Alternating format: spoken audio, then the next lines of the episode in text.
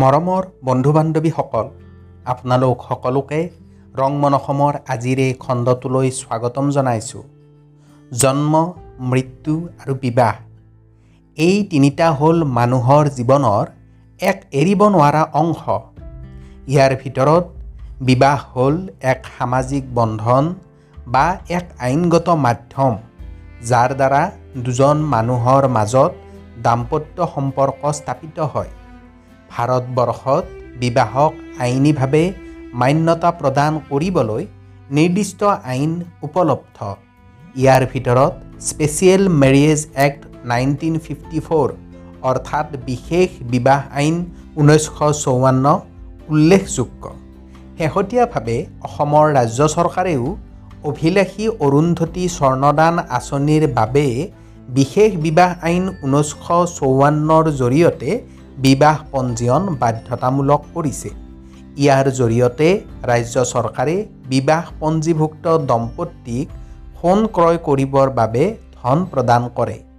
মৰমৰ বন্ধু বান্ধৱীসকল আজিৰ খণ্ডটোত আমি বিশেষ বিবাহ আইন ঊনৈছশ চৌৱন্নৰ কিছু কথা আলোচনা কৰিম। গতিকে বন্ধু বান্ধৱীসকল আহক আজিৰ খণ্ডটো আমি আৰম্ভ কৰোঁ। বিশেষ বিবাহ আইন ঊনৈছশ চৌৱন্ন ভাৰতৰ সংসদে গৃহীত কৰা এখন আইন ধৰ্ম বা বিশ্বাস নিৰ্বিশেষে ভাৰতৰ সকলো নাগৰিক আৰু প্ৰৱাসী ভাৰতীয় নাগৰিকৰ বিশেষ বিবাহৰ মৰ্যাদা দিবলৈ এই আইন উপস্থাপন কৰা হৈছিল। ঊনৈছ শতিকাৰ শেষৰ ফালে প্ৰস্তাৱিত আইনৰ এক অংশৰ পৰা এই আইন উদ্ভৱ হৈছিল। বিশেষ বিবাহ আইন অনুসৰি পঞ্জীয়নভুক্ত বিবাহত ব্যক্তিগত আইন প্ৰযোজ্য নহয়। মৰমৰ বন্ধু বান্ধৱীসকল এই আইনৰ ইতিহাস সম্পৰ্কে কিছু কথা চাওঁ আহক।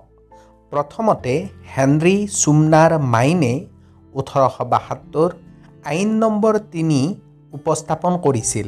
এই নতুন আইনৰ মতে নাগৰিকে যাকে ইচ্ছা কৰে যিকোনো জাতি ধৰ্ম বা বিশ্বাস নিৰ্বিশেষে বিবাহৰ অনুমতি প্ৰদান কৰে। ভাৰতে স্বাধীনতা লাভ কৰাৰ পিছত এই বিল সংসদত উপস্থাপন কৰা হয়। ঊনৈছশ চৌৱন্ন চনৰ ন অক্টোবৰ তাৰিখে এই আইন সংসদত গৃহীত হয়। পিছলৈ ৰাষ্ট্ৰপতিয়ে স্বাক্ষৰ কৰাৰ পিছত ঊনৈছশ পঁচপন্ন চনৰ এক জানুৱাৰী তাৰিখৰ পৰা এই আইন জম্মু আৰু কাশ্মীৰক এৰি গোটেই ভাৰততে প্ৰযোজ্য হৈছিল। বিশেষ বিবাহ আইন ঊনৈছশ চৌৱন্নই ওঠৰশ বাসত্তৰ আইন নম্বৰ তিনিক প্ৰতিস্থাপিত কৰে। এই আইনৰ তিনিটা মুখ্য উদ্দেশ্য হ'ল প্ৰথমতে নিৰ্দিষ্ট ক্ষেত্ৰত বিবাহৰ এক বিশেষ ৰূপ প্ৰদান কৰা দ্বিতীয়তে নিৰ্দিষ্ট কিছুমান বিবাহৰ পঞ্জীয়ন কৰা আৰু তৃতীয়তে বিবাহ বিচ্ছেদ কৰাত সহায়ক হোৱা। মৰমৰ বন্ধু বান্ধৱীসকল এতিয়া আমি চাওঁ আহক এই আইনৰ প্ৰযোজ্যতা। এই ক্ষেত্ৰত ক'ব লাগিব ধৰ্ম বৰ্ণ নিৰ্বিশেষে যিকোনো ব্যক্তি হিন্দু ইছলাম বৌদ্ধ জৈন শিখ খ্ৰীষ্টিয়ান পাৰ্চী আৰু ইহুদী সম্প্ৰদায়ৰ ব্যক্তিয়ে বিশেষ বিবাহ আইন ঊনৈছশ চৌৱন্নৰ অধীনত বিয়া হ'ব পাৰে। আন্তঃধৰ্ম অৰ্থাৎ দুজন বেলেগ ধৰ্মৰ ব্যক্তিৰ বিবাহ এই আইনৰ দ্বাৰা স্বীকৃত। এই আইন জম্মু আৰু কাশ্মীৰৰ বাহিৰে গোটেই ভাৰত আৰু বিদেশত বাস কৰা উভয় ভাৰতীয় নাগৰিকৰ ওপৰত প্ৰযোজ্য। এতিয়া আমি চাওঁ আহক এই আইনৰ আৱশ্যকতা। বিশেষ বিবাহ আইন ঊনৈছশ চৌৱন্ন আইনৰ অধীনৰ বিয়া এক নাগৰিক চুক্তি।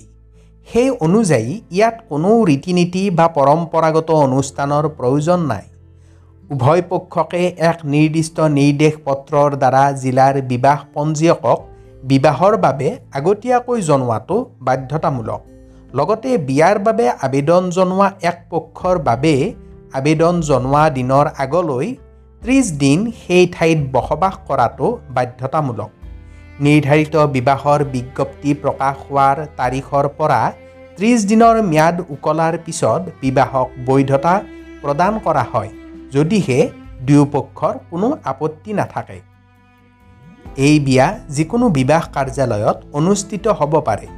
এই বিবাহ তেতিয়ালৈকে বৈধ নহ'ব যেতিয়ালৈকে দুয়োপক্ষ বিবাহ বিষয়া আৰু তিনিজন সাক্ষীৰ উপস্থিতিত শপত বাক্য মই তোমাক মোৰ বৈধ স্ত্ৰী বা স্বামী হিচাপে মানি লৈছোঁ বুলি পাঠ কৰোৱা নহয়। মৰমৰ বন্ধু বান্ধৱীসকল এতিয়া আমি চাওঁ আহক এই আইনমতে হোৱা বিবাহৰ চৰ্তাৱলীসমূহ।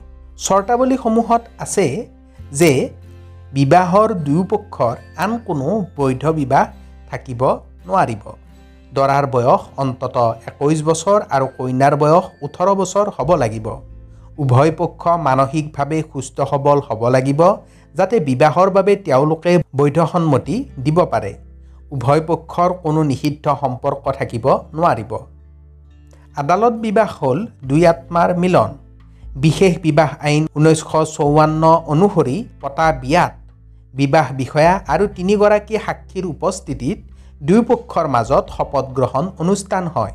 তাৰ পিছত ভাৰত চৰকাৰৰ দ্বাৰা নিযুক্তিপ্ৰাপ্ত বিবাহ পঞ্জীয়কে তেওঁলোকক বিবাহৰ প্ৰমাণ পত্ৰ প্ৰদান কৰে। ইয়াৰ পিছত দুয়োপক্ষ আইন আৰু আদালতৰ আগত বৈধ পতি পত্নী হিচাপে স্বীকৃতি লাভ কৰে। মৰমৰ বন্ধু বান্ধৱীসকল এতিয়া আমি চাওঁ আহক সম্পত্তিৰ উত্তৰাধিকাৰ সম্পৰ্কে। এই আইনে সম্পত্তিৰ উত্তৰাধিকাৰৰ ক্ষেত্ৰত বেছি একো নকয় যদিও বিশেষ বিবাহ আইন ঊনৈছশ চৌৱন্নৰ দ্বাৰা পঞ্জীয়নভুক্ত বিবাহৰ পিছত দুয়োপক্ষৰ সন্তানে সম্পত্তিৰ লাভ ভাৰতীয় উত্তৰাধিকাৰ আইনৰ অধীনত লাভ কৰে। যদিহে উভয় পক্ষ হিন্দু বৌদ্ধ শিখ বা জৈন হয় তেন্তে তেওঁলোকৰ সম্পত্তিৰ অধিকাৰ হিন্দু উত্তৰাধিকাৰ আইন ঊনৈছশ চৌৱন্নৰ অধীনত লাভ কৰিব। মৰমৰ বন্ধু বান্ধৱীসকল আজিৰ এই খণ্ডটোত আপোনালোকে বিশেষ বিবাহ আইন ঊনৈছশ চৌৱন্ন সম্পৰ্কে কিছু কথা জানিলে। আশা কৰিছোঁ আপোনালোকে আজিৰ খণ্ডটো শুনি ভাল পালে। অহা খণ্ডত পুনৰ এক নতুন বিষয় লৈ আপোনালোকৰ মাজত উপস্থিত হোৱাৰ প্ৰতিশ্ৰুতিৰে আজিলৈ বিদায় লৈছোঁ। আপোনালোকক বহুত বহুত ধন্যবাদ।